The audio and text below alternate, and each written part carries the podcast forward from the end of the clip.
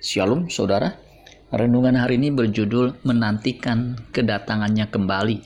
Yohanes 14 ayat 3. Dan apabila aku telah pergi ke situ dan telah menyediakan tempat bagimu, aku akan datang kembali dan membawa kamu ke tempatku, supaya di tempat di mana aku berada, kamu pun berada.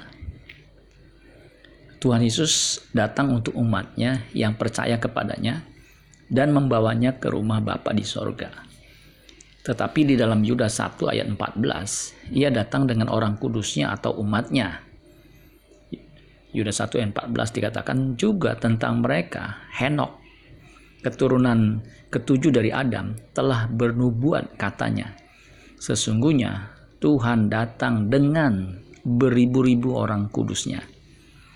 Mana yang benar? Apakah kedua ayat tersebut bertentangan? Kita tidak perlu bingung karena kedua ayat itu tidak bertentangan, tapi saling mendukung. Tuhan Yesus datang kembali terbagi dalam dua tahap atau dua selang waktu yang berbeda. Tahap pertama disebut rapture atau parausia. Tuhan Yesus akan datang di awan-awan dan mengangkat umatnya yang percaya. 1 Tesalonika 4 ayat 15 sampai 17, 1 Korintus 15 ayat 51 sampai 53. Tahap kedua disebut revelation atau apokalipsis atau epipane.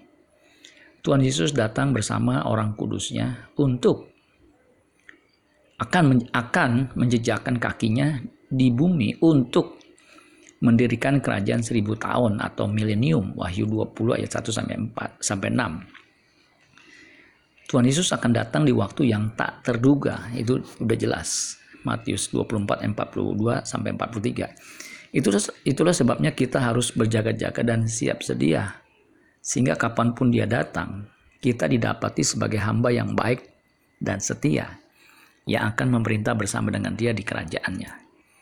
Amin buat firman Tuhan. Tuhan Yesus memberkati. Sola Gracia.